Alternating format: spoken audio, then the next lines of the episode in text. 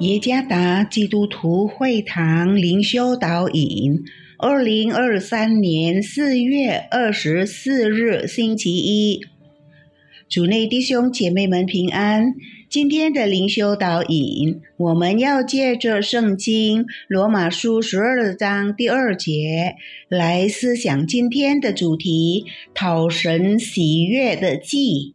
作者陈顺安传道。罗马书十二章第二节：不要效法这个世界。只要心意更新而变化，叫你们查验何为神的善良、纯全、可喜悦的旨意。一个人把最好的给他所爱的人，这是很自然的事。例如送礼物，他会好好的思考，并尽力的找合适的礼物送给他所爱的人。希望他所爱的人收到后会感到高兴。我们对所爱的人都能尽力而为，更何况是对神？我们应该有更大的行动来证明对他的爱。神要他所救赎的子民按照与世人不同的原则生活。这在今天的经文中可读到。保罗强调神所救赎的子民的心意要有更新。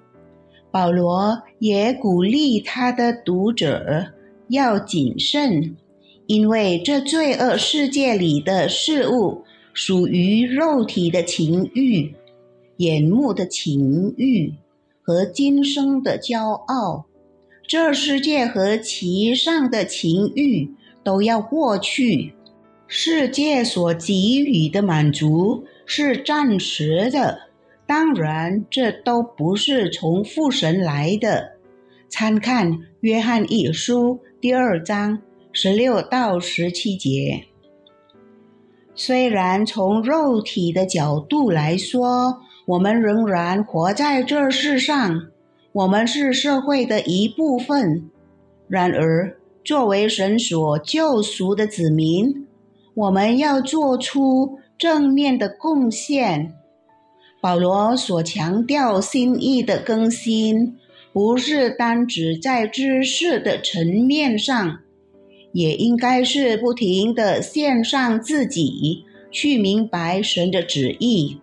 因此，弟兄姐妹们，让我们不住地祈求圣灵的引导，使我们的人生观。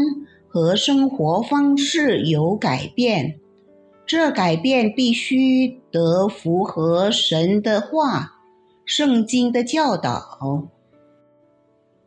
讨神喜悦的祭物是一个愿意被改变的生命，这样的生命是越来越符合神的心和他的旨意。主耶稣赐福。